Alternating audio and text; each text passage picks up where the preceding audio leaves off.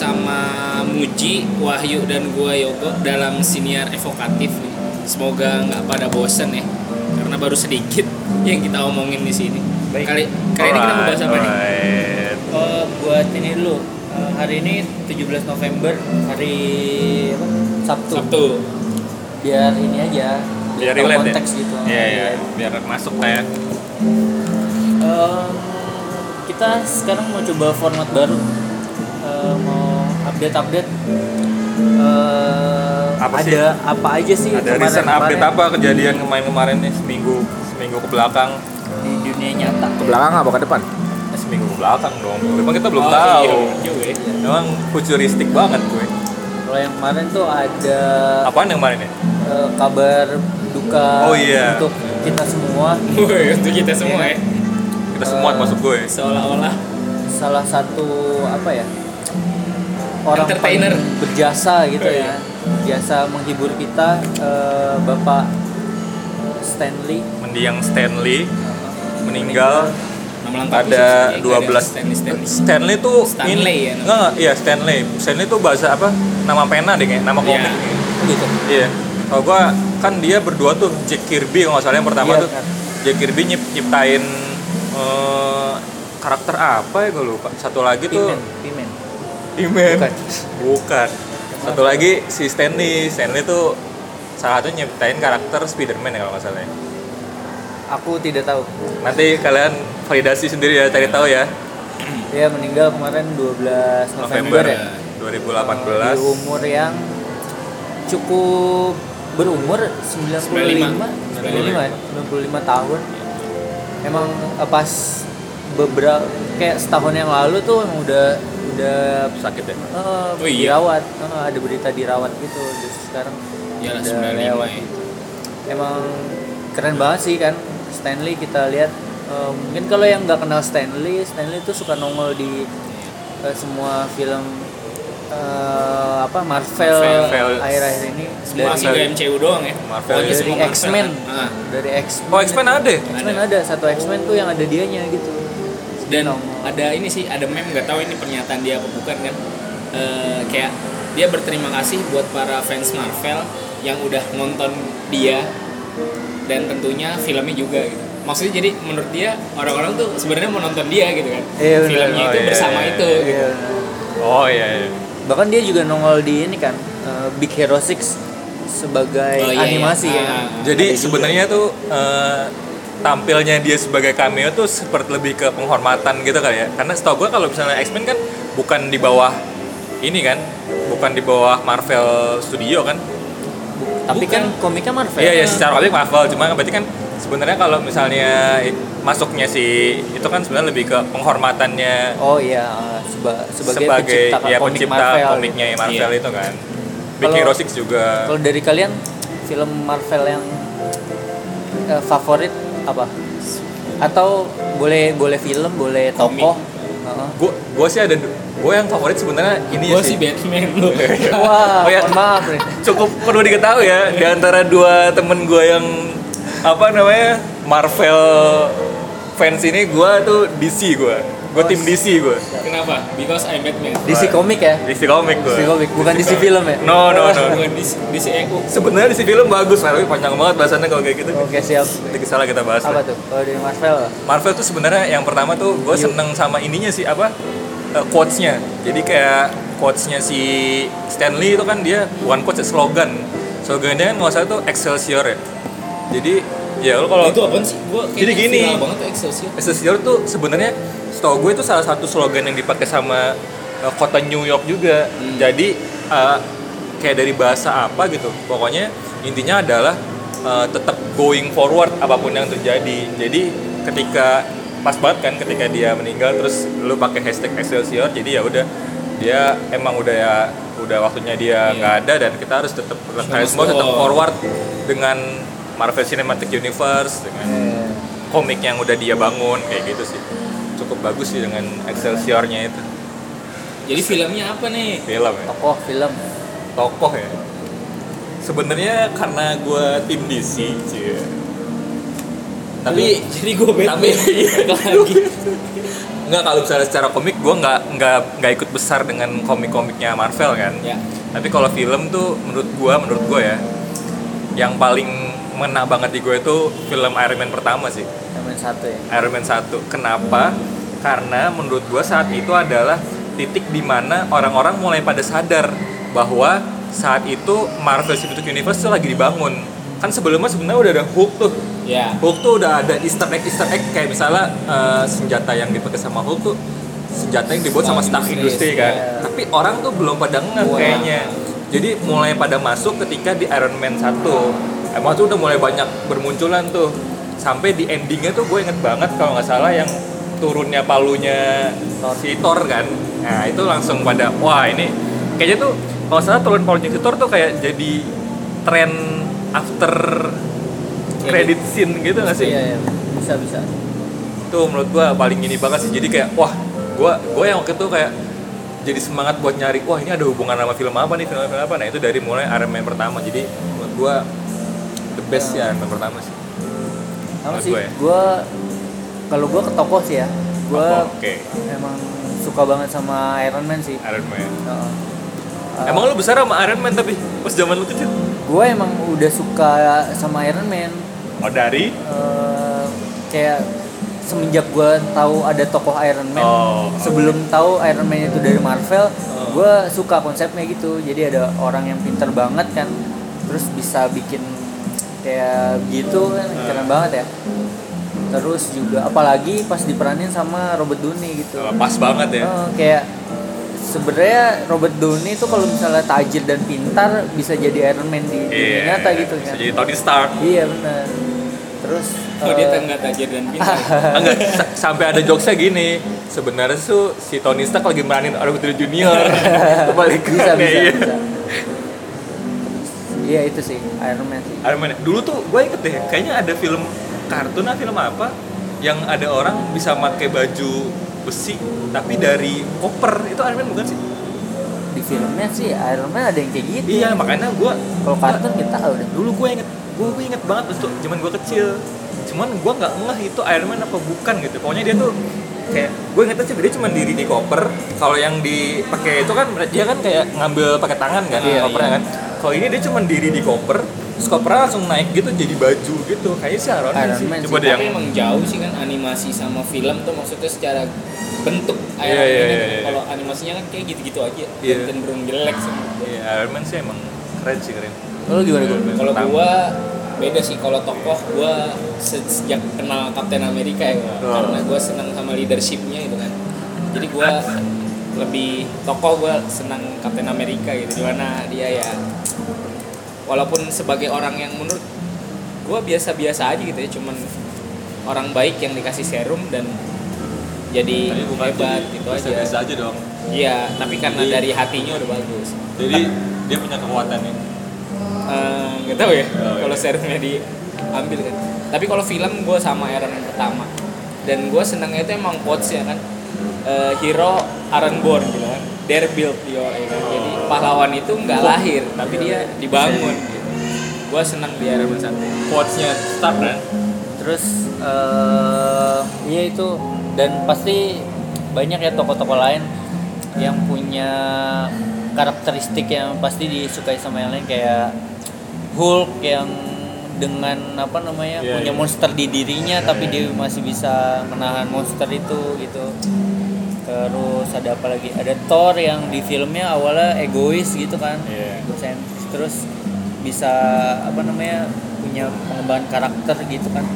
Ada Batman juga yang nggak punya kekuatan apa-apa. Waduh, Batman. Batman. kekuatannya itu. Kayak Because Iya. Kekuatannya rich. Dan pinter sih. Pinter sih. Dia sama kayak Iron Man. wah gua tim DC banget gua Makanya kalau mungkin kalau ada eh nanti pertanyaan tim Batman atau tim Iron Man nih. Itu band nggak band besok. nih, band band. Ya ada Black Panther yang lebih kaya. Iya, iya. Kayak banget ya. Tapi dia nggak pintar. Yang pintar adanya. Yang pintar adanya. Iya sih. Terus abis Stanley itu ada kabar apa lagi? Oh kemarin tuh di Twitter tuh ada rame tuh. Jadi ada Ah, ini kocak eh, tapi sih. Apa namanya? Kan berkaitan sama film ya. Eh, kemarin tuh ada nge-tweet gitu. gue lupa lagi siapa namanya. Tapi rame sih ini gampang dicari. Terus dia nge-tweet gitu ngebandingin film eh, Hanum Rangga. Rangga Sama sama Menko Menko Ahok. Ahok. Nah itu dia ngebandingin ininya Jualan. em, apa namanya kayak Kursi. kursi di Kursi. beberapa bioskop gitu. Iya.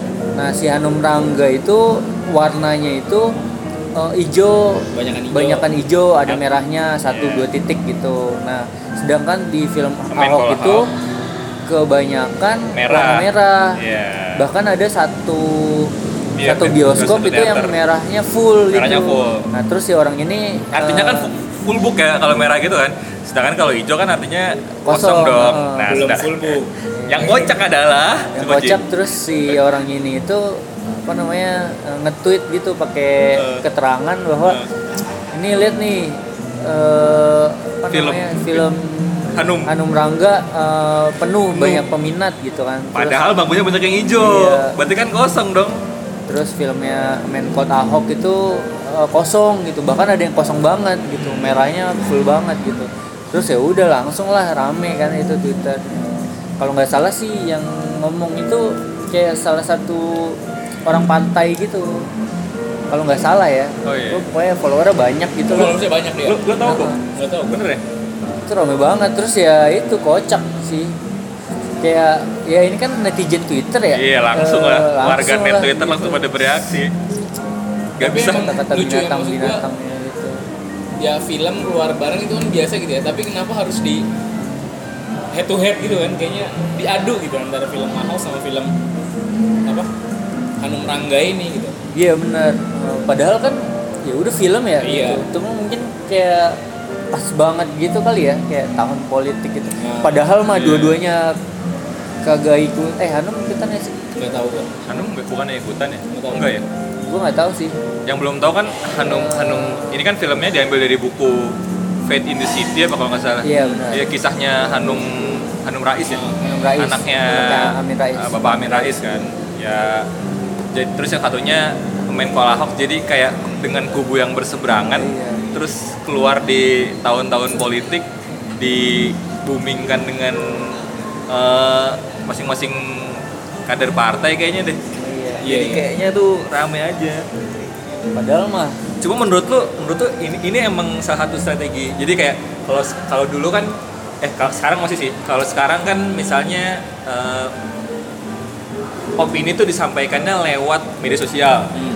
Nah, kalau misalnya kayak opini disampaikannya medianya lewat film menurut tuh ini emang eh, emang jadi sarana buat menarik Yang gua dengar ya, Iya, yang gua iya. dengar dari eh, salah satu aktivis partai gitu sih. hmm, Dia emang strateginya gitu. Maksudnya emang sengaja ngebarengin gitu loh. Eh, film Ahok sama film Hanum Rangga ini. berarti duluan kak film Ahok ya? Ahok iya jadi emang kayak di itu dan banyak broadcast broadcast juga sebuah campaign jadinya kayak ayo kita nonton ini yuk buat ngalahin film yang satunya gitu jadi memang mungkin ada sih beberapa orang yang campaign kayak gitu iya sih. Eh, kalau di Twitter sih juga ada beredar gitu kan apa namanya eh pan gitu pokoknya dia pakai header pan gitu surat pan terus kayak nyebarin ke kampus eh, ke kampus gitu kalau nggak salah ada Muhammad apa Muhammadiyah ya? Muhammadiyah. Muhammadiyah mana gitu kan eh, Muhammadiyah mana gitu Gua juga lupa. menganjurkan mahasiswa dan dosen dan apa namanya civitas kampusnya untuk nonton Hanung Rangga gitu. Jadi itu surat dari pan gitu? Iya kok Muhammadiyah. eh, headernya pan gitu. Kop suratnya. Suratnya pan. Ya berarti ini dong produknya pan dong. Maksud gua suratnya itu surat dari pan kan kalau pakai Iya, dari pan? iya. atau itu Oh, publikasi ini, filmnya? gue lupa deh. Pokoknya ada salah satu orang pan terus ngirim surat ke situ. Terus eh, ada ngebilangin pokoknya ini apa namanya punya anaknya Amir Rais gitu kan. Hmm, ngebilangin kayak gitu Iya iya iya. iya. tapi nggak tahu eh, afiliasi sama pannya gimana Hubungannya ke mana gitu ya. Oh, gue gue tadinya sebelum sebelum mulai bongkar-bongkar ini nih gue kan baca tweetnya dari Joko Anwar ya. dia rada lucu juga sih jadi dari tweet yang lo tadi ceritain Ji Ya. dia sempat bereaksi Jadi dia bilang eh, film itu dibentuk sama banyak orang dengan eh, ideologi pilihan partai yang beda-beda jadi Iya, tolong benar. jangan dipolitisasi si Dan film usah itu dibandingin, ya jangan nggak usah sih? dibandingin Hmm, iya. iya. tadinya gue mikir gitu kan oh ya mungkin ini maksudnya orangnya aja nih dodol gitu maksud gue sampai dan itu gitu kebalik lagi kan penuh Iya. sama iya penuh sama iya. udah itu penuh sama enggaknya juga kebalik lagi nah terus tapi pas gue liat-liat baca-baca beritanya juga apa kayak jadi gue kayak mikir gitu apakah emang bener nih ini si film ini dibuat sebagai sarana politis media politis gitu kan Iya. sekarang sosial media terus mulai berubah berkembang ke ranah film juga gue jadi mikir gitu kalau emang iya berarti ya Lu film nonton belum? belum sih cuman ya kalau emang iya berarti film udah jadi sarana politis juga dong dan gue dua-duanya juga belum nonton sih gue dulunya sebenarnya lebih tepatnya nggak tertarik nonton sih sebenarnya Iya, gue juga. Tapi ya Apaan lu? Lu nggak juga tapi ngajakin gue nonton. Istri gue yang ngajakin. Oh, oh jadi istri lu? Yogo ngajakin itu. Oh. oh, yuk siap baik. Lu dapat broadcast. Jadi iya sih. Mungkin kalau menurut gue sih nggak cuma film ya. Dengan kayak sekarang lagi ya suasana apa namanya pemilu-pemilu gini ya kan. Kayak semua semua yang diomongin Semua dilontarkan tuh. atau apa kalau yang ada potensi untuk dikampanyekan ya udah kampanye gitu Atau Kayaknya sih. kebalik dikampanyekan atau semua hal itu dihubung-hubungkan dengan politik gitu Bisa. nggak ada Salah satunya misalnya ini kayak gitu. Ah, Bisa. karena emang suasana tapi aja tapi nggak tahu ya gue emang tahu sih film pembuatan Menko Ahok tuh udah lumayan berjalan agak lumayan lama cuman yang Hanum Nangga ini gue nggak tahu Hmm, bahkan iya. gue mungkin baru tahu dari lu yang kemarin kali bisa ngajakin gue Gua film apaan gua ya tahu Hanum dari Nangga situ. tahu-tahu ada lagi gitu kan setelah Iya. yang 99 cahaya itu kan tapi kayak kayak gini tuh eh, capek ya sih? Iya ya gue capek tuh maksudnya kayak eh, kalau misalnya mau dihubungin sama pemilu ini kan nggak ada sangkut pautnya sama Iya, prestasi atau sama apa pun yang berkaitan sama si calon pemimpin yang bakal Ah. kita pilih nanti ya kan? Dan tapi capeknya di judgementnya itu nggak sih? Saat Iya, lu nonton heeh. film Ahok misalnya lu langsung di judge. Langsung pro kanan. Oh, lu pro- pro, pro tertentu Jokowi gitu kan. iya kan? Kalau itu kalau itu ini sih apa emang nggak masuk akal banget sih menurut gue ngejudge film berdasarkan eh ngejudge pilihan berdasarkan film film, yang yang, ditonton. Cuma yang menarik nih kalau menurut gue ya kita kan nggak tahu nih seberapa besar orang yang memilih hanya karena berdasarkan hal-hal sepele. Oh. lu pernah nggak kayak misalnya datang kayak misalnya gue dulu nih ya pertama kali milih eh pemilu pemilu kan gue masih SM ah, iya iya. Gue tuh nggak tahu waktu itu maksudnya me- medium untuk nyari juga agak susah apa mungkin gue aja males. Jadi pas gue nyari tuh gue kayak nyari ah nama berapa nih yang bagus nih? Apa muka muka siapa yang paling sering senyum? Buat situ kan. Nah menurut tuh kalau legislatif gitu deh. Tapi Iya kan? iya karena nggak karena jadi legislatif ya. jadi menurut gue mungkin aja kan menurut gue ya mungkin aja ada orang yang memilih Karena eh, film ini? iya karena film. Ah, atau bisa, mungkin bisa. ini ada orang yang memilih ke Pak Sandiaga Uno cuman karena dia tuh sering aktif di media sosial terus bikin hal-hal yang lucu gitu. Bisa bisa. Menurut gua ada juga. Jadi mungkin sih film ini mau mentargetkan dia hal-hal kayak gitu. Wah, swing ini- voters ya Iya, mungkin bukan swing voter ya. Kalau swing voter kan gua gua kira dia memilih berdasarkan gagasan Iya. mungkin ya. Tapi mungkin kayak orang-orang yang nggak tahu aja mau milih siapa dan bisa tertarik memilih berdasarkan senyum orang, film orang, keakuan calon gitu. menurut mungkin lu ya. iya mungkin. menurut, lu pas gua- sa- saat itu gimana yang mana? lu memilih berdasarkan hal seperti itu gitu Iya, bego gitu iya gue ikut. Serius loh. Iya, Karena iya. menurut gue waktu itu media masih agak susah sih gue SMA ya. untuk nyari ini ya untuk nyari ini. Kalau sekarang kan lu punya aplikasi yang bisa buat nampilin uh, track record Oh. calon ini kan. tapi serius gak sih maksud gue legislatif kan banyak nih Nah, DPR satu-satu nyari. iya lu akan mendalami segitu banyak orang yang akan lu pilih? Nah makanya mungkin akan susah sih. ya Susah. udah jadi ujung-ujungnya ngeliat foto kan? Atau melihat partai. oh iya. Tapi kalau gua kalau gua ya di legislatif gua nggak bakal ngebandingin semua. Gue cuma fokus ke satu orang. Misalnya gua milih nih si A gitu. Terus gua lihat aja si A oke nggak? Kalau oke udah gua keep A aja gitu. Sampai kalau misalnya oke lu nyari yang lain? Dari menurut iya daripada kayak gitu eh, kayak Wahyu tadi gitu. Misalnya ngelihat SMA SMA oh, Wahyu saat SMA Oh, iya. nggak tahu besok gimana gitu. Jadi menurut gua eh, dasar pemilihan gua bakal lebih apa ya lebih bisa dipertanggungjawabkan gitu. Iya, iya, iya. walaupun ya oke aja sih sebenarnya. Iya, iya. lihat kayaknya mukanya Oh, baik siapa gitu ya. menurut, ya jadi maksud gua faktanya tuh menurut gua ada orang yang memilih berdasarkan itu dan mungkin itu juga yang disasar sama film-film kayak ada gitu. contohnya gua. Iya itu dia. Tapi ya dikurang-kurangi lah ya. Iya siap. Maksud gua supaya jadi para pendengar ini- yang budiman Oh, jadi kurangi lah ya. jadi gua yang kayak gini sih? Memilih berdasarkan ya lu lu cari lah sekarang udah banyak kan track record gitu. Sekarang juga udah mulai tapi Jadi yang ini asumsi lu ya kalau film itu ada tujuannya untuk menyasar orang-orang Iya. yang berkemungkinan Iya akhirnya iya oh, iya iya. Tapi yang gue lihat juga yang diangkat sama media tuh banyak hal-hal konyol kan kalau soal-soal politik tuh kayak uh, Sontoloyo versus Genderuwo Iya. ya kan. Ya apa gitu yang kan kenapa nggak soal gagasan gitu yang dikasih tahu ke kita gitu. ini PR media. PR tim ses juga sih Iya.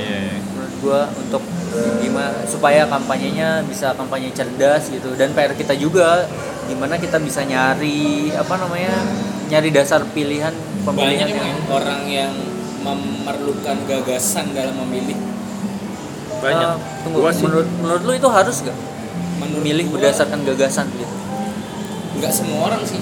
Enggak harus nggak? Harus nggak? kalau menurut gua harus sih. Nah kalau harus berarti ya kita harus encourage orang-orang ya. bangsa ini untuk memilih berdasarkan itu gitu. Karena tadi kalau misalnya dibilang tim ses harusnya ngasih tahu nih gagasan sementara kan tim ses tujuannya apa sih memenangkan naikin suara kan ya dia nggak pasar dong kalau pasar lebih senang dengan drama-drama yang kayak gitu ya Nah, pasar menurut gue bisa, bisa dibentuk kok. Pasar Tapi bisa ya- diciptakan kalau kata Berarti efek rumah kaca. apa namanya ya itu Bikin looping aja kalau kayak gitu. Bi. jadi ya itu sengaja ya. makanya di Pasar. dua sisi sebagai tim ses juga harusnya menciptakan kampanye yang cerdas kita juga sebagai pemilih juga harus cerdas dalam Dan membuat pilihan orang cerdas gitu. ya dalam memilih. iya dan kita nggak boleh nggak boleh cuma buat kita doang gitu itu sih kalau dari gua. Jadi dua topik tadi yang lagi kekinian banget Ya, pokoknya itu itu pas pertama kali gue baca tweetnya ketawa sih gue. Oh ada ada lagi eh, tadi selain dua topik itu yang ramai tuh kemarin di Twitter tuh sempat ramai eh, hashtag kita akni dan hashtag UGM darurat Oh, iya, iya. kekerasan seksual gitu. itu baru rame tuh Eh, rame seminggu yang lalu dan kaget sih kenapa ramenya tuh minggu-minggu ini gitu. Jadi eh, ada kasus gitu. Jadi di UGM itu eh, ada K2N gitu.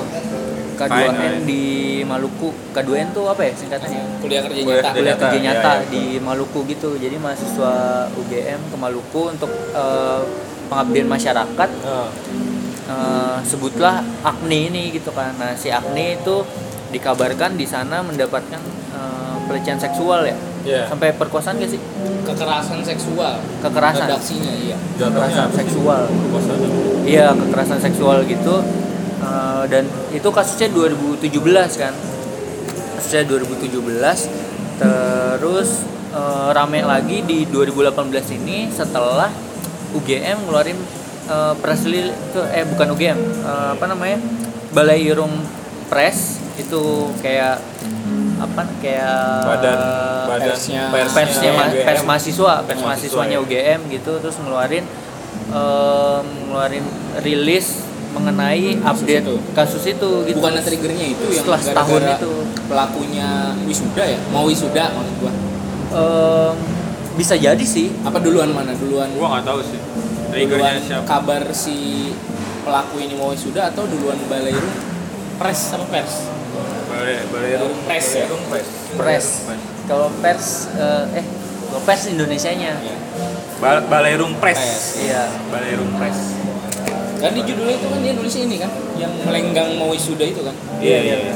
Hi- Highlightnya iya sih. Iya. 5 November 2018. nah menurut gua trigger utama di situ tuh sampai rame masih data deh sampai rame eh, apa namanya alumni alumni UGM-nya tuh kayak waktu itu rame di line tuh ada video salah satu alumni UGM-nya tuh ngebakar ijazah bakar ijazah terus ngajak alumni lain gitu. Jasa SD lulusan dia nggak butuh ijazah. komunikasi 2002 oh, eh udah, udah tua udah S2 banget. kali ya? Iya. saya udah punya ijazah kerjaannya lain, udah kan. enak ya? Nggak perlu ijazah lagi?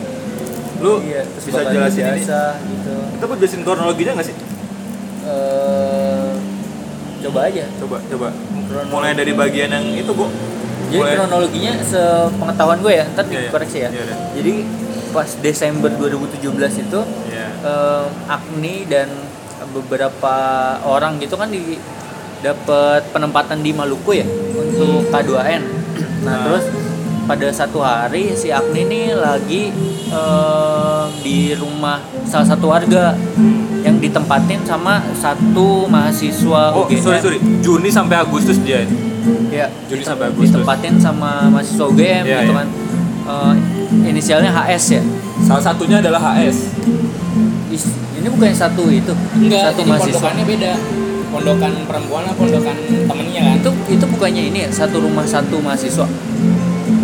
Satu rumah satu mahasiswa. oh gitu ya Heeh. Cuma Se- enggak jadi pas dia ber- di rumah itu kan ada dua orang tadinya habis yang satu yang satu pulang kan jadi dia nggak sengaja kan ke situ kan dia Nggak karena sengaja. malam Karena malam dia dan pengen hujan ke, ya? pengen ke pondokan temennya enggak dia pengen ke pondokan temennya karena udah malam dan hutan-hutan gitu kan katanya banyak babi hutan Iya, gitu ya. iya, iya. jadi dia ke pondokan laki-laki buat minta temenin ke temennya yang perempuan Iya. karena jaraknya lumayan jauh tapi pas dia lagi mampir ke pondokan laki-laki untuk minta temenin hujan Hujan. Iya, terus hujan sampai tengah malam kan jadi tengah malam pas dia pengen pulang ke pondokannya nggak enak karena mikirnya wah pasti rumah warga udah dikunci kan jadi dia Ah. memutuskan untuk nginep di situ dan si HS ini mempersilahkan ya udah nginep aja di Iya. di kamar gitu kan. Terus eh, tidurnya jauh-jauhan gitu ya. dan Iya. fatalnya itu sih karena rumah warganya itu cuman menyediakan satu kamar kan?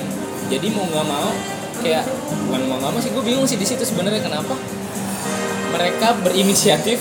Maksud gue mereka tuh tidurnya satu kamar walaupun jauh-jauhan ya. Apakah memang itu kayak kos-kosan gitu yang cuman kamar doang nggak ada ruangan lain ya itu itu mungkin pertanyaan lainnya tapi kan karena kita nggak punya data jadi kita nggak bisa jawab itu Nah, gitu. Eh, kita bisa asumsikan aja mungkin emang keadaannya seperti itu Iya. jadi mereka emang harus kayak gitu gitu terus si Agni ini ya udahlah terjadilah eh, si kekerasan seksual itu di situ ya oleh HS kepada Agni gitu dan terus eh, akhirnya pokoknya kalau nggak salah Agninya melapor ke temennya yang Iya. di Jogja ya Agno, Agni itu udah sempet ngelapor sama koordinator di situ, koordinator subunit maupun koordinator unit dan melapor juga ke eh, dosen-dosen pendamping di wilayah tersebut. Juga ah, melapor ke eh, kampusnya yang di Jogja. Tapi coba coba. terus si apa namanya terus akhirnya pokoknya pokoknya ketahuan si HS-nya si HS-nya disuruh pulang ya kan nggak ngelanjutin K2N oh iya nggak Iya. nggak dilulusin K2N nya ya KKN di saat itu? Saat itu. Di periode itu? Periode itu. terus ya udahlah. Eh, apa namanya? Udahlah kayak gitu gitu. Iya jadi kayak ya udah di eh, sanksinya tuh cuman buat si HS-nya adalah jadi gini sih kayak yang gue tangkap kalau dari di sini ya UGM itu nggak menganggap bahwa ini adalah eh, kasus besar kasus besar. jadi masih dianggap sebagai kasus ringan. mungkin buat lu yang nggak dengerin kalau misalnya agak bingung lu bisa akses sendiri lah ya ntar balairung balairung Ya. Ini kita baca dan ya kita tangkap sesuai dengan judul Kita gitu. nalar pincang UGM atas kasus perkosaan. Eh, kenapa tadi dia bukan masalah besar? Karena kalau gua baca ternyata mereka menyalahkan si Agni juga kan. Bahwa ini tuh peristiwa nggak bisa salin HS sendiri. Seolah-olah ini tuh suka sama suka gitu kan. Terus beberapa fakta lagi eh, terus pas November eh, si Agni dia itu dapat nilai C di Ah. K2N-nya gitu. Terus Agni kecewa kan akhirnya kecewa. Dia apa namanya dia ngelapor lagi kan. Ini gimana nih masa saya dapat kasus gini terus eh, nilainya C C. gitu kan. Terus juga fakta lainnya apa ya oh si periode selanjutnya HS masih bisa ikut K2N dan lulus. Dan lulus gitu. Dan sekarang sedang tahap proses wisuda ya. iya pas sekarang sekarang tapi katanya di stop. Di stop dulu? Prosesnya. oh. Dan terus sih ini juga apa namanya em, orang-orang pada kecewa sih soalnya pihak UGM itu tadi apa namanya bersikap eh, ikut menyalahkan Agni Nah. dalam Ini mau dalam kejadian ya? ini. Kalau ya menurut gua kalau menurut lu menurut lu eh, gimana ya? Kalau menurut lu perlu di dipertanyakan nggak? Kayak yang salah siapa? Gue sebagai orang pertama kalau pertama dulu eh, sebagai orang ENTJ si si HS sudah dulu. pasti salah. Udah pasti salah. Itu kita sepakat. Ah, Sepakat. kita sepakat HS Sepakat. salah. Nah, kita sepakat kalau HS salah tinggal akninya nih. Iya. perlu dipertanyakan nggak? Terus Eh, eh, dia eh, salah. ini karena kita sepakat HS salah, kita bahas dulu si HS-nya ya. Eh, si HS-nya itu dia awalnya bisa daftar wisuda gitu kan. Eh, oh enggak, eh, hu- apa namanya? Kan ada tim ini ya, tim yang buat ngurusin kus- kasus kasus ini gitu. mestinya ada Ada si UGM bikin bikin tim untuk dalam kasus ini gitu nyari nyari rekomendasi. Nah dari tim ini tuh keluar rekomendasi eh, rekomendasi buat akninya, buat akninya itu rekomendasinya adalah dia itu nilai K2-nya diubah jadi A atau B gitu. Dari terus rekomendasi yang kedua untuk si akninya ini adalah eh, dikasih apa namanya eh, biaya untuk konseling karena ini tanggung jawab UGM kan Iya. terus juga em, keringanan biaya kuliah karena semenjak kasus ini nilainya eh, jelek ya karena ada masalah ya kan? Iya. gitu. Rekomendasi itu untuk akne terus rekomendasi terkait HS itu adalah dia belum boleh lulus sampai eh si HS itu harus ikut konseling sampai enam bulan. Baru setelah enam bulan dia boleh eh, ikut proses kelulusan wisuda gitu. Nah gitu. Nah terus dari HS konseling juga? Oh, harus ikut Oh. konseling. menarik nih kalau ada perempuan ya sudut pandang perempuan maksud gua apa sih sebenarnya yang lo inginkan kalau lo sebagai korban terhadap pelaku gitu Nah, terus dari situ dari situ eh, setahun kan ya 2018 tuh baru rame lagi karena ya itu si HS-nya itu eh, mau wisuda. Padahal si Agni sebagai Kuliahnya berantakan korban, ya? oh, kuliahnya berontakan, trauma ya kan. Terus rame lah netizen ini kan. Apalagi UGM terkesan eh, tidak pro terhadap korban sampai pas si Balai Press ini kan ngeluarin rilis wawancara-wawancara tokoh kan sampai ada tokohnya yang bilang salah satu pihak UGM yang bilang eh, apa namanya ini kalau kayak kayak apa kayak kucing dikasih ikan asin Iya, aja iya, gitu kan iya, ya iya. Pasti nyium-nyium. Nah, itu seru seenggaknya nih, di seru cium nih. atau di di ini. selalu Ya tertarik gue dengan gitu dan terus Kurang- ada ada salah satu pihak UGM itu cewek juga yang bilang ya kamu sebagai perempuan ya harus jaga inilah gitu. Udah tahu ini di di tempat cowok gitu kan. Balik lagi tadi HS udah nih.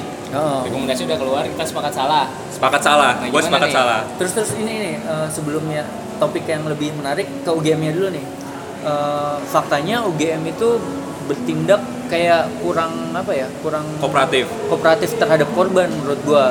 Dengan itu setahun nggak ada apa-apa terus si HS-nya udah bisa ikut proses wisuda. Tapi kabar terakhir sih dia nggak bisa ikutan wisuda sih gitu. Terus nggak di DO Karena Padang. rame ini. oh gitu. Eh, menurut lu gimana kalau dari UGM gitu dia terkesan kalau menurut gue ya terkesan menutupi menutupi ininya menutupi kasusnya.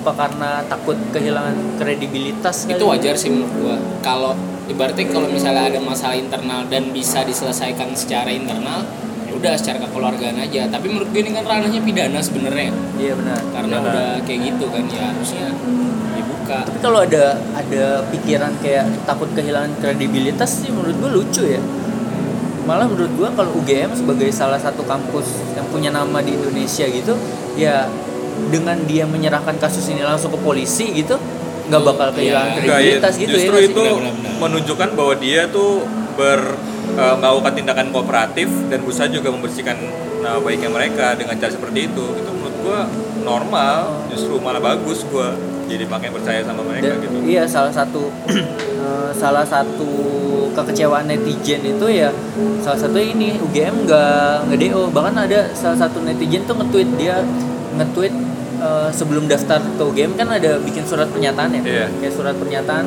saya akan selalu menjunjung tinggi nilai-nilai bla bla bla. Saya bersedia. Kayak itu saya saya Itu pas mau masuk? Oh, saya bersedia diberhentikan eh, sebagai mahasiswa UGM apabila Hmm. melakukan eh, tindak pidana, melakukan perbuatan asusila gitu. oh ada gitunya ya Ada ada gitunya dan potensi DO pak yang mahasiswa zaman sekarang lo gitu ya, tapi kan pidana asusila menurut Ah, gua oke sih gitu Iya. kan. Dan menurut gua dengan adanya dasar itu itu surat pernyataannya ditandatangani di atas materai lagi kan. Menurut gua ya UGM udah punya Iya, dasar, sih dasar yang untuk jelas. karena kita sepakat kan sama-sama HS itu Ah, salah gitu Salah. kan dan menurut gua DO dari UGM sih oke DO UGM terus dikasih ke polisi nanti pidananya apa Ah, gitu iya. Oh, gitu kan Kalau gue sih, jadi yang gue nggak tahu nih eh, deo deonya gimana. Tapi kalau menurut gue kan si UGM tuh nggak salah udah punya hukum sendiri buat menanggapi perilaku eh, eh, pelecehan seksual ini. Ah. Nah, tergantung peraturannya dia gimana sih. Kalau misalnya dia nanggepinnya ini sebagai kasus yang enteng dan nggak harus di DO ya mungkin kan balik ke balik ke definisinya dia kasus ke pelecehan seksual yang berat tuh seperti apa. hmm, iya, iya, iya. DO atau enggaknya ya maksudnya kayak kayak gitu ya? Kecuali dia mau ngerevisi itu. Oh, cuman supaya- yang gua gua gua ini sebenarnya setahu gua sih dia tuh nggak nggak membentuk tim investigasi ji. Gitu. Kalau Ya, dari apa situ ya cap ini kan dia bilang gini kan.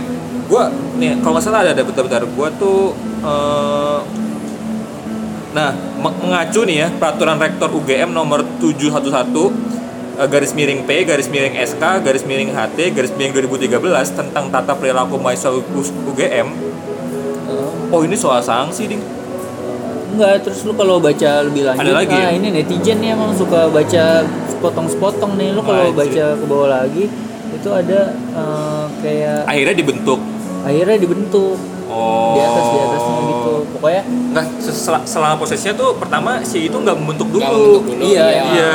pas Agni udah tahu. Itu kan emang udah nggak kooperatif banget kan Oh. si ininya UGM ya. Terus pokoknya karena karena mencakup dua fakultas akhirnya dibentuk. Iya, akhirnya investigasi ada di situ juga ada. Makanya baca. Akhirnya nggak ya. semestinya dibentuk. Dari awal. Se- nggak, kan dari awal nih semestinya kan sebelum besar nih sebelum ramai setahu gue. Oh, iya. semestinya dibentuk. Tapi ini nggak dibentuk malah salah satu pejabat tuh ada yang bilang udah kalau misalnya ini dibentuk dan melibatkan polisi justru akan semakin menyakitkan Menyakitkan buat prosesnya. anda Iya. buat Agni nih jadi waktu itu setahu gue ya eh, kalau gue tangkap ya ini tuh berarti waktu itu nggak nggak dibentuk Agni udah mulai rame kan abis itu ma- eh, si HS-nya itu ikut KKN dan berhasil lulus baru dia memberanikan diri untuk gue bawa ini ke ranah oh polisi iya. Oh. akhirnya mungkin dari situ baru Baru mulai rame tim Iya, investigasi iya, iya. sebagainya jadi menurut gue dari awal sampai rame ini ya kurang kooperatif aja dari Iya, benar. pihak UGM nya itu kalau ngeliat UGM ya tadi gue agak bingung sih dengan definisi asusila tuh sebenarnya kayak gimana ya karena ya tadi kalau misalnya asusila itu adalah sebuah pelecehan seksual Iya. dan kalau ngelihat dari balai ini ternyata ada beberapa pejabat yang berpendapat bahwa akninya juga salah artinya terlihat suka sama suka. Apakah itu bisa dikategorikan sebagai tindakan yang tidak asusila gitu? Paham gak lu maksud gue tindakan yang susila Ah, ah, iya maksud gue ya udah ini nggak nggak masuk asusila. Jadi kayak misalnya ada orang pacaran terus mereka suka sama suka dan eh, akhirnya misalnya jangan sampai gitu terus dia berzina itu asusila apa bukan? Kalau dikategorikan itu tindakan yang bukan tindakan asusila ya berarti bener dong. Maksud gua UGM punya dasar juga kenapa nggak nge-DO karena mereka berpendapat bahwa itu bukan tindakan asusila. Mereka tuh siapa? UGM karena yang gue baca gitu kan bahwa Agni juga disalahkan. Iya, Ini pas dong, di awal, pas di awal. Nah, makanya itu yang yang kalau menurut gue ya, yang gue sesalkan itu adalah eh, sampai di awal itu ada kesan bahwa Agninya juga ini juga ikut dalam proses itu gitu, menyatakan diri gitu. Itu sih yang Berarti kita mau situ kan? Kita mau iya, situ. itu. Ya dong. Bridging-nya biar enak Oke, siap. Bridging-nya biar enak. Sekarang kita bahas ke Agninya nih. Iya. Nah ini kalau nih kalau ntar lu pada baca ya di Balen Press tentang kronologinya yang menurut gue cukup detail gitu kan. Yang merasa seperti sebuah cerita-cerita. Detail banget. Iya cerita-cerita stensil gitu. Agak detail gitu kan. Gue ngelihat di sini kalau emang itu sesuai fakta gue agak bingung memang mempertanyakan si Agni ini.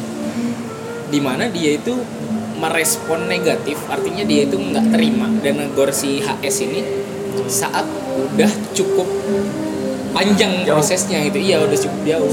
Mulai dari pertama si HS mulai meluk itu dia kayaknya nggak nggak respon apa apa malah dia pura-pura tidur ya sampai saat HS meluk dan nyium si Agni dia malah pura-pura tidur kan di kronologi yang di Press dia berharap bahwa perilaku yang HS ini cepat selesai atau Berhenti dia sendiri. berhenti sendiri.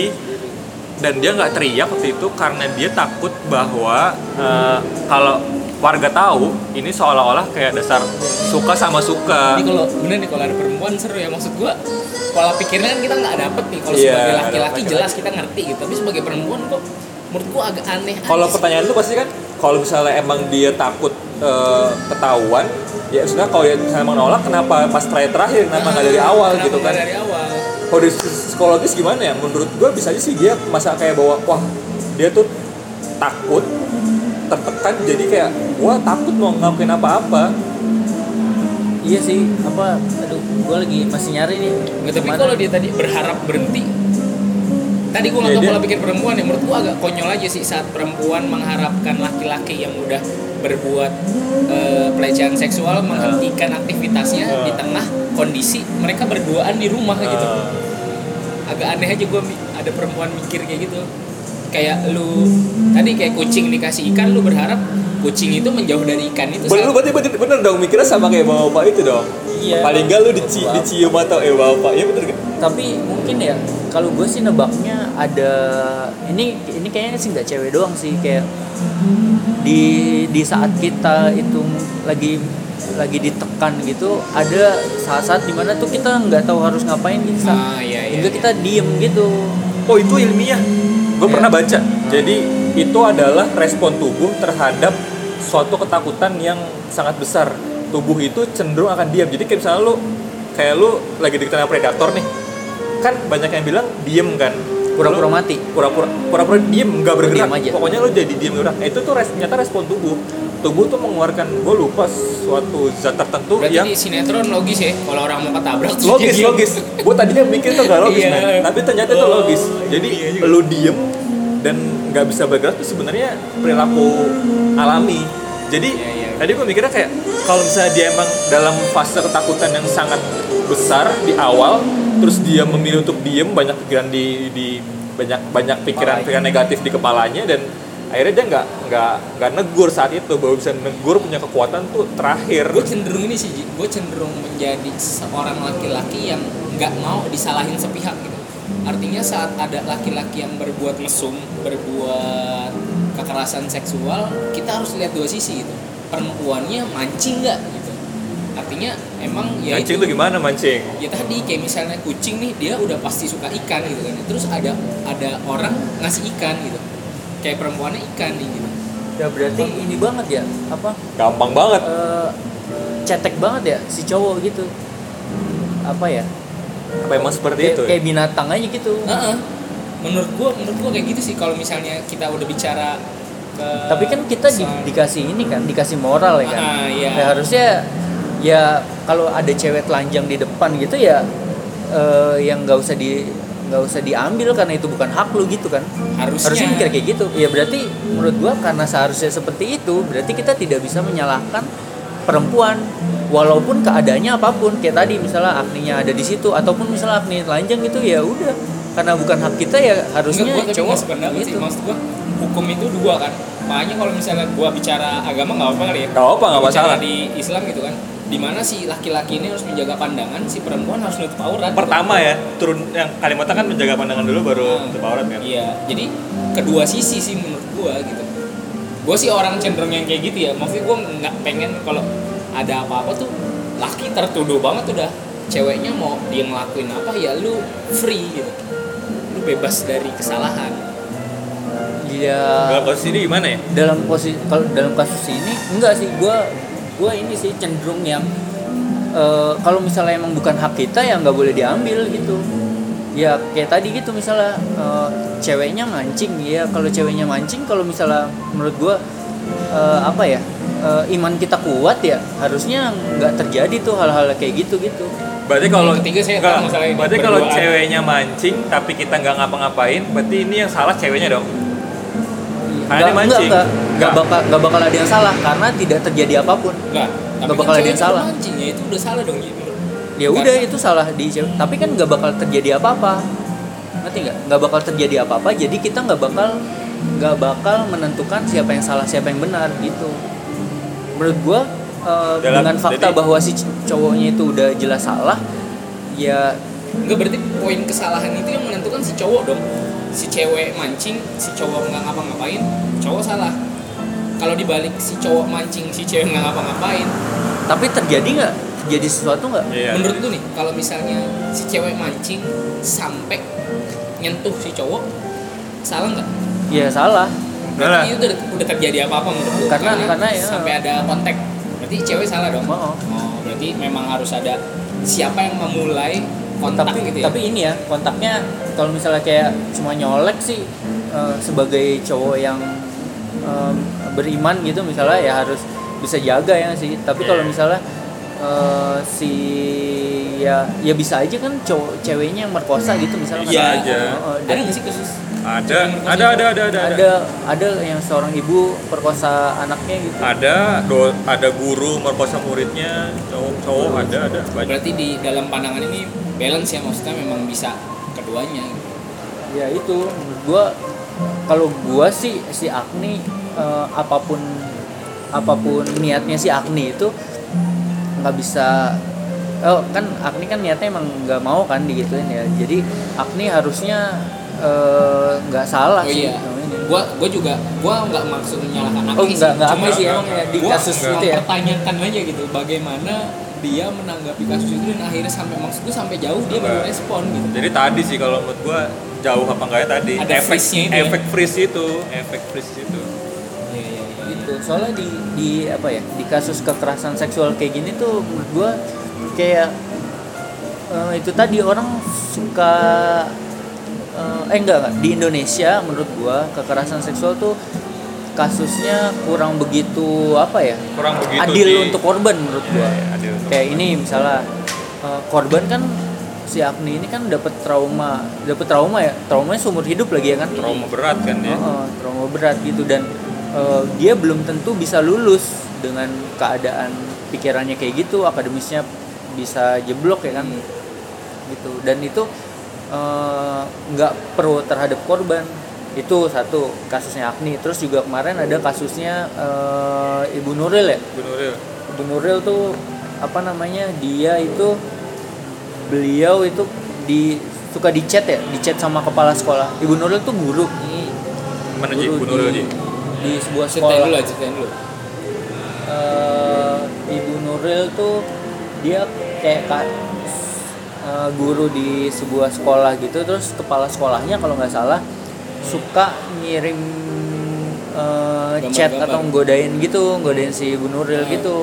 Sampai dia sampai si kepala sekolahnya ini nelpon terus nggodain Nuril si Ibu Nuril ini.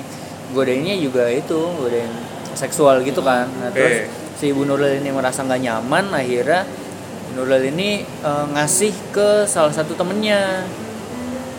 Temennya Ngasih apa? ngasih Ngasih rekaman rekaman. rekaman, Oh, rekaman. telepon itu eh, rekaman telepon. nah temennya ini nyebarin eh, rekamannya ini ke apa namanya nyampein ke pihak terkait gitu kalau nggak salah waktu itu dinas ya orang dinas Hmm. pendidikan terus? gitu kalau nggak salah terus ya udah eh, rame lah kan di situ dari dinas gitu terus rame sampai si kepala sekolahnya ini gue lupa deh diapain gitu Terus pokoknya eh, oh ini, ini, ini. Pokoknya gue jelasin dari awal ya Oke oke si oke oke. ibu baik Nuril Maknun ini dia guru gitu di SMA 7 Guru. Mataram Oke, Heeh. terus? nah ada kepala di kepala sekolah eh, inisialnya M Ya. Em. terus eh, si M ini suka ngajak Ibu Nuril dan L itu salah satu rekan kerjanya Ibu Nuril tuh kerja lembur Hmm. hampir setiap hari si M itu nelpon Ibu Nuril. Oke. Nah, M sering membicarakan eh, tentang hal-hal yang mengarah ke pelanggaran seksual, pe- as- eh, susilaan. Oke. Itu ngajak nginep di hotel, tapi eh, selalu ditolak sama Ibu Nuril gitu. Oke. Nah, terus eh, si Ibu Nuril ini pada satu waktu ngerekam Pembicaraannya percakapan dia. itu. Eh. Terus ya udah si M ini eh si M ini si Ibu Nuril ini ngasih lah ke si Dia L. cerita, dia cerita ke dia cerita akan kerjanya. Nah, terus Akan Ke- kerjanya malah ngasih ke NA ke NA dan NA Ibu Nuril ngasih ke NA terus enak cerita ke yang dispora itu lo bilang. Dinas itu pengawas Olahraga. pengawas Oh. pengawas SMA gitu nah terus ya udahlah tapi si si apa ibu Nuril ini empat hari setelah kan dipanggil tuh habis Iya. rekamannya beredar Iya. ibu Nuril terus dipanggil sama kepala dinas di Kora Mataram Hmm. terus empat hari setelah pemanggilan si ibu Nuril diberhentikan Ibu Nuril nih. Iya, karena pada pada 17 Maret 2015 kepala sekolahnya si M itu melaporkan Ibu Nuril ke Polres Mataram karena dugaan melakukan pelanggaran UU ITE. baik. Oh, Oh, iya, nama baik. rekam ini ya, rekam Iya. percakapan tanpa izin. Gitu. Bukan, bukan, bukan mengkacapan. So, gue petikan putusan kasasi dengan nomor ini gue sebagai penyidik juga sih menyatakan baik Nuril bersalah dengan quote-nya adalah tanpa hak mendistribusikan dan atau mentransmisikan dan atau membuat dapat diaksesnya informasi elektronik itu Karena nyebarnya itu berarti ya, karena menyebarkan. Ya, dan akhirnya Ibu Nuril dipenjara. Dan kepala sekolahnya ini masih berkeliaran. Masih ada, kepala sekolah yang mesum ini dia masih berkeliaran. masih ada gitu. Kalau ngelihat sudut pandangnya dibolak-balik, gua kadang-kadang setuju juga sih. Setuju sama siapa? Sama ini, sama Nah, pemerintah. tapi faktanya eh, ini kan si Ibu Nuril kan kena UU ITE. iya, UU ITE eh, mencemar eh, apa me- mentransmisikan, Mentransmisikan. menyebarkan eh, si rekaman itu. Rekaman. Tapi faktanya si Ibu Nuril nggak pernah menyebarkan. Ibu Iya. Nuril itu ngasih ke satu orang, satu orang ini sebenarnya yang nyebarin. nah itu bisa didefinisikan menyebarkan Kalau- kalau- Tapi di fakta diaksesnya. pengadilan, fakta fakta putusan PN, Ibu Nuril ini bebas. Bebas tuh Oh, nggak nggak naik di- ke Ma- Mahkamah Agung Nah, ya? pas baru pas naik ke Mahkamah Agung eh, baru si Ibu Nuril ini eh, ini masuk penjara gitu gitu sih. Maksudnya ada ada fakta persidangan Wak- di waktu di- dia waktu dia cerita ke rekan kerjanya tuh intensinya apa sih? Mo- motivasinya apa dia cerita kata kata kerjanya? Dia mencari ini mencari peradilan ya? Cari perlindungan. Mencari perlindungan gitu maksudnya? Eh, enggak di fakta persidangan itu si Ibu Nuril itu eh, dia ngasih HP-nya ngasih HP-nya suruh dengerin gitu. Oh, nah oke. ke teman kerjanya. Teman kerjanya ini yang ngopi ngopi ininya ngopi filenya itu ngopi file hasil rekamannya. Terus barulah disebarin tetap bisa sih Ji. tetap tapi bisa kan di fakta itu kan gimana ya? Sama kasus Ariel. Cuman Ya. bedanya gini. Cuma bedanya gini eh A- Ariel sama Oh, ini Ariel ada itu ada satu fakta lagi. Apa? Ibu Nuril itu tidak ada di tempat ketika teman kerjanya sama transmisi. sama kayak Ariel. Iya. Ariel itu cuman menunjukkan rekamannya di laptop laptopnya sama temennya di copy tapi Ariel sama di penjara cuman bedanya waktu itu adalah kan versi kalau versi menurutku ya salahnya adalah si Ariel Lunama si namanya ini kan dia tuh pas eh, merekam itu kan atas persetujuan mereka berdua dong iya ya kan Ah. tapi si Ariel ngasih tahu ke temennya Tanpa itu tanpa persetujuan. persetujuan na- namanya itu menurutku salah Nah. nah jadi jadi yang dijerat sama eh, peredaran itu si Ariel Arielnya yang kena. Kalau di kasus ini menurut gue motivasinya dulu motivasinya si ibu ini ngasih ke rekan kerjanya itu mencari perlindungan atau kayak gimana. Kalau menurut gue kalau mencari perlindungan sih ya harusnya nggak kena mestinya nggak kena ya. kasus ini. Iya benar. Dari point of view warga biasa ya nggak tahu kalau bisa bisa disamain gitu ya. Iya iya. Kayak gitu sih. Menurut gua gitu Iya. rada aneh juga. Nggak, tapi nyambungnya ke Agni tadi apa sih? Gua lupa. Enggak jadi kasus ini tuh di kasus-kasus kayak gini dianggap menurut gue sih yang rada di sepele. penjara ya. iya, Iya, iya. Kebalik gitu ya. Heeh. yang di penjara Ibu Nuril saat ini kepala Iya. sekolah belum penjara Iya. gitu. mungkin emang juga kalau kalau dari sama- kan? UU ITE sih mungkin emang Bisa salah kena. tahu lah fakta persidangan gitu kan Tapi kan mestinya si pelakunya ini kena juga dong. iya karena dari juga di pas, pasal yang lain pasal-pasal. Lu tahu nggak pasal apa yang akhirnya bisa ngenain kepala sekolah ini? Kan nggak kejadian apa-apa kan? Nah, Kalau lu bilang tadi kalau gue baca-baca ya Ada kan harusnya kena yang kasus tentang susilaan ini kan nah, kasus kesusilaan ini harus dilaporin sama korban jadi mungkin mungkin si ibu Nurila belum lapor tapi mungkin har- harusnya sih ya eh, lapor ya Nggak usah lapor. Gue sih mikirnya Bu Nuril pasti ngasih tahu ke temennya sebagai bentuk pencarian pelindungan sih. difonis 6 bulan punya knowledge sih. Artinya saat kita ngerasa tadi bahwa kasus-kasus gini itu dia lebih bukan lebih enggak kurang ya kurang pro ke korban apa memang dasar hukumnya tentang perbuatan asusila ini nggak mengakomodir itu gitu? Maksud gua sempit banget. Akomodasi Nah, iya mengakomodasi hal-hal seperti itu gitu. Apakah memang harus kejadian baru bisa disebut tindakan asusila gitu? Oh, kita harus coba Ji lihat cari pasal maksudnya nomornya aja biar buat info para evokator. Oh salah. Aduh, sebut. Iya. para teman-teman yang budiman ini Gitu ya. peraturan Apa ya? tentang Tapi secara umum memang gue merasanya gini sih. Kita masih belum pro ke korban menurut secara gue nih kalau di kalau di transportasi umum ada laki-laki mepet ke perempuan dan ya katakanlah pokoknya mem- dia nempelin lah nempelin bagian vitalnya ke perempuan itu itu pelecehan seksual bukan seksual. Eh, kalau gue tergantung intensinya ya kalau misalnya dia nggak sengaja Ini, udah pasti ya? sengaja deh. ya kalau penuh Oh ini ini apa sih ngomongnya? Nggak sengaja. ya nggak tahu kita pokoknya ada itu aja misalnya perempuannya ngerasa nggak nyaman kan Oh. padahal si cowok nggak sengaja itu bisa disebut disebut seksual harassment nggak Iya di saat itu Di, di waktu ceweknya yang singkat dan ceweknya harus ini ya, harus harus nentuin sendiri sih ya, maksudnya kalau kalau nggak sengaja mah enggak lah. mungkin harus negor gitu kali ya kayak Enggak kok cuma di waktu yang singkat, eh sorry sorry gitu. Menurut gua, saya di waktu yang singkat terus dia Lu udah kalau misalnya penuh dan itu nggak waktu yang singkat yuk ya menurut gua cowok ceweknya harus ngomong. iya di saat itu ceweknya, Saat itu ceweknya harus "Eh, ngomong." maaf mas gitu kan saya terganggu gitu kan tinggal Iya. kayak gitu gitu dan kalau misalnya masih berlanjut ya baru itu Itu pelecehan baru seksual. bagian dari ini menurut gua.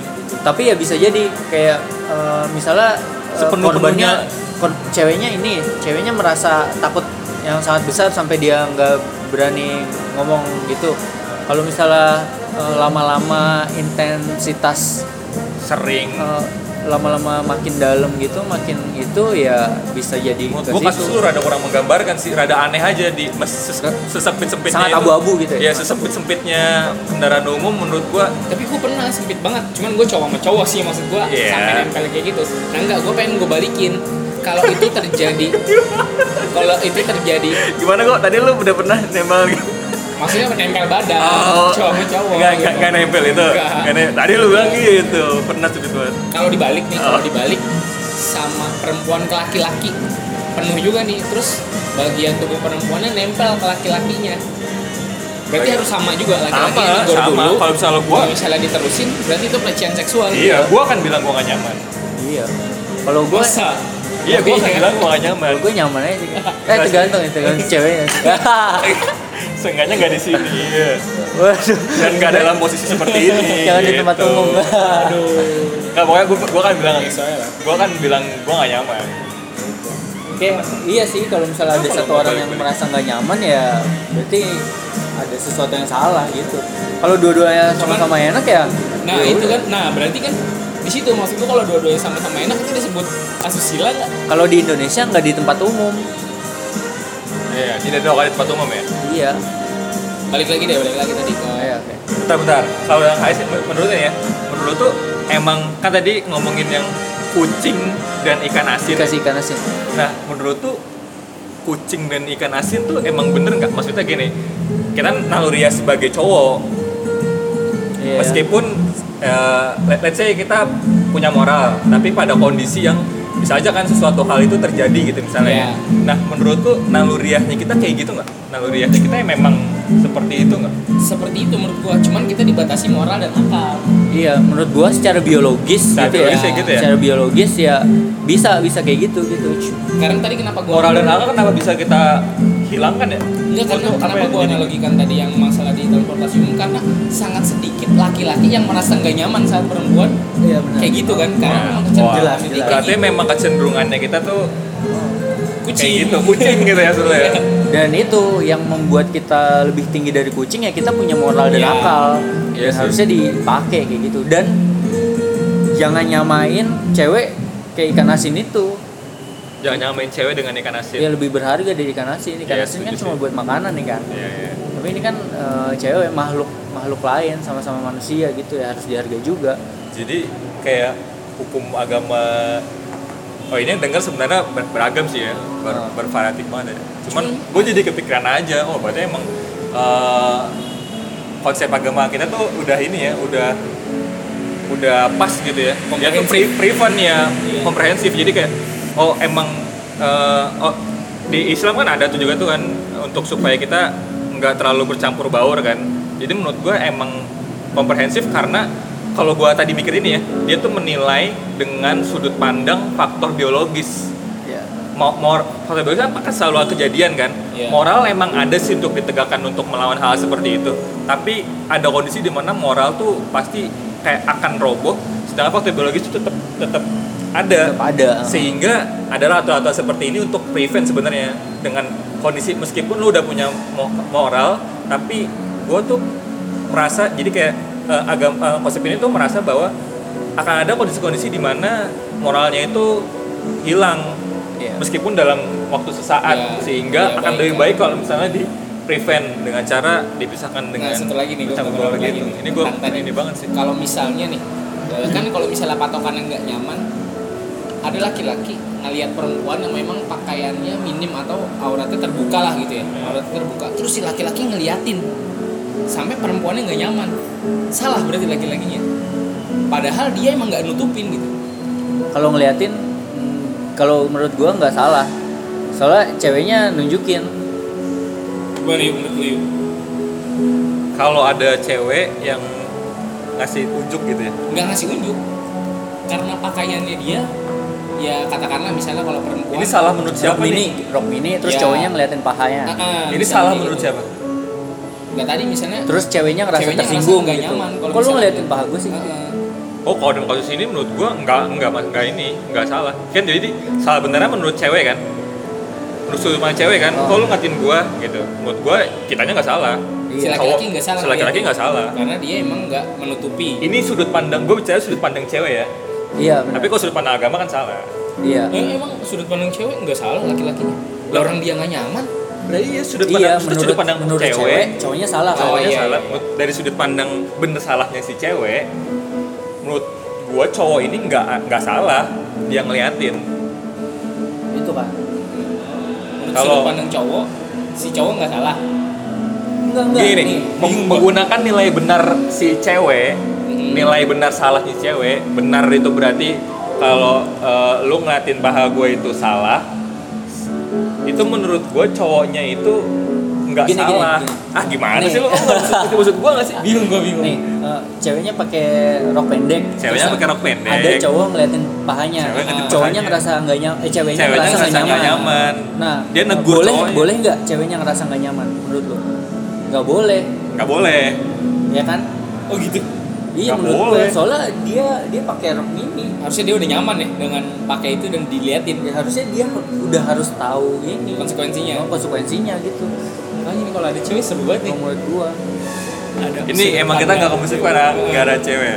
Nah, ini subjektif lah. Subjektif emang. Tapi mungkin ya kalau misalnya teman-teman lain ada punya komentar, oh enggak ini menurut ini tuh salah gitu, itu bisa aja disampaikan ya. Tadi makanya kalau gue bilang menurut nilai benar benar salahnya cewek, cowok ini nggak salah, dia nggak salah ngeliatin karena emang ceweknya menunjukkan.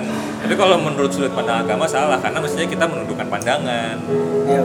tapi gue pernah denger nggak tau sih gue baca di mana mungkin komen-komen netizen ya dengan hal seperti itu gitu kayak eh, pernah maksudnya lu sering lihat kan misalnya ada jokes-jokes yang eh, menampilkan misalnya badan perempuan sebenarnya bukan itu yang ditampilkan tapi banyak cowok yang salah fokus ke situ gitu. Dan saat si cowok salah fokus ke situ yang perempuan ini komen kayak otak lu isinya selangkangan doang sih otak lu mesum banget gitu kan kenapa lu fokusnya ke situ gitu? Nah itu berarti salah dong. Yang harusnya menurut gua nggak boleh Nggak dikomentarin boleh dikomentarin kayak gitu. Dia mata-mata gua gitu. Setuju. Yang penting gua kan tidak melakukan sesuatu yang lewat batas gitu. Menurut gua ini perlu nyari gue menurut lu emang kenapa menurut lu? Menurut lu keresahan itu- lo apa? Itu, adalah masuk, hal yang eh, itu masuk, masuk ke ke dalam pelecehan seksual. Ngeliatin kayak gitu? Heeh. bisa dilaporin? Nah itu gue nggak tahu, tapi gue pernah dengar itu masuk ke pelecehan Oh, seksual. kita Lu mesti seolah-olah menelanjangi perempuan dengan pandangan lu gitu. kita mesti bongkar sih kalau itu kita harus bongkar peraturan ya. Tapi Oh, kalau itu- dari sudut pandang gue sih itu seru sih kalau misalnya next episode kita bisa bahas itu sih ya lebih kalau lagi deh kita bisa aja sih. Cuma menurut gue sih tetap cuma yang bikin gue mes tadi sih menurut gue aturan agama gue tuh cukup komprehensif untuk bisa ngelihat bahwa eh, ada hal-hal yang mestinya kita prevent Ya, ngelihat kasus-kasus yang terjadi di Beder Eh, ya kalau dilihat kasus Iya, Agni ini juga kan iya, sebenarnya iya, iya. diaturnya kan harusnya lu nggak berduaan lah di satu Iya, tempat iya. sepi gitu kan. dalam kondisi apa pun gitu ya. Iya. Sebagai perempuan harusnya lu ditemani mahram. Mau jadi jauh ini bahasnya. tapi kita nggak dalam posisi menyalahkan Agni Iya ya. enggak. Oh, enggak emang kayaknya ini ini adalah bahasan yang sangat menarik sebenarnya ini bakalan dilanjutin sih mungkin nanti uh, next Mungkin nanti episode lah kita, kita bisa bahas. ngajak orang lain mungkin uh, cewek uh, dari sisi cewek ya ya, kita ya, nyari sumber cewek. nyari sumber yang kredibel dulu sih Yang feminis lah. ya. Iya, bisa atau ya Ah, mungkin bisa. orang yang emang punya uh, secara pengetahuan punya ilmu di situ Iya, gitu. iya, Uh, bisa diajak atau mungkin bahkan praktisi Oh, penyintas iya, itu maksud penyintas. oh survivor. Survivor. Uh, bisa. Kita bisa Jadi samarkan korban. namanya. Ya nanti lah kita cari. Menarik ya. Menarik banget. Udahlah Oke. Eh, buat episode kali ini cukup gitu ya. Ya cukup sih mungkin Oke. next episode kita bakalan bikin lagi. Kita nyoba-nyoba nyari recent update apa nanti kita sharing-sharing sama yang lain lah. Eh, kalau teman-teman lain mau apa namanya ngasih feedback ngasih komentar bisa di IG kita di senior.evokatif atau kalau mau kirim surel yoi. bisa surat elektronik. Surat elektronik. Email ya. Surat elektronik iya.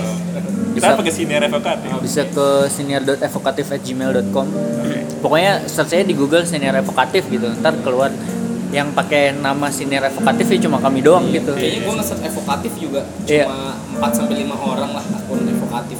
Instagram juga ada ya Instagram ada evokatif tapi kita ditambahin senior gitu Sini ada evokatif.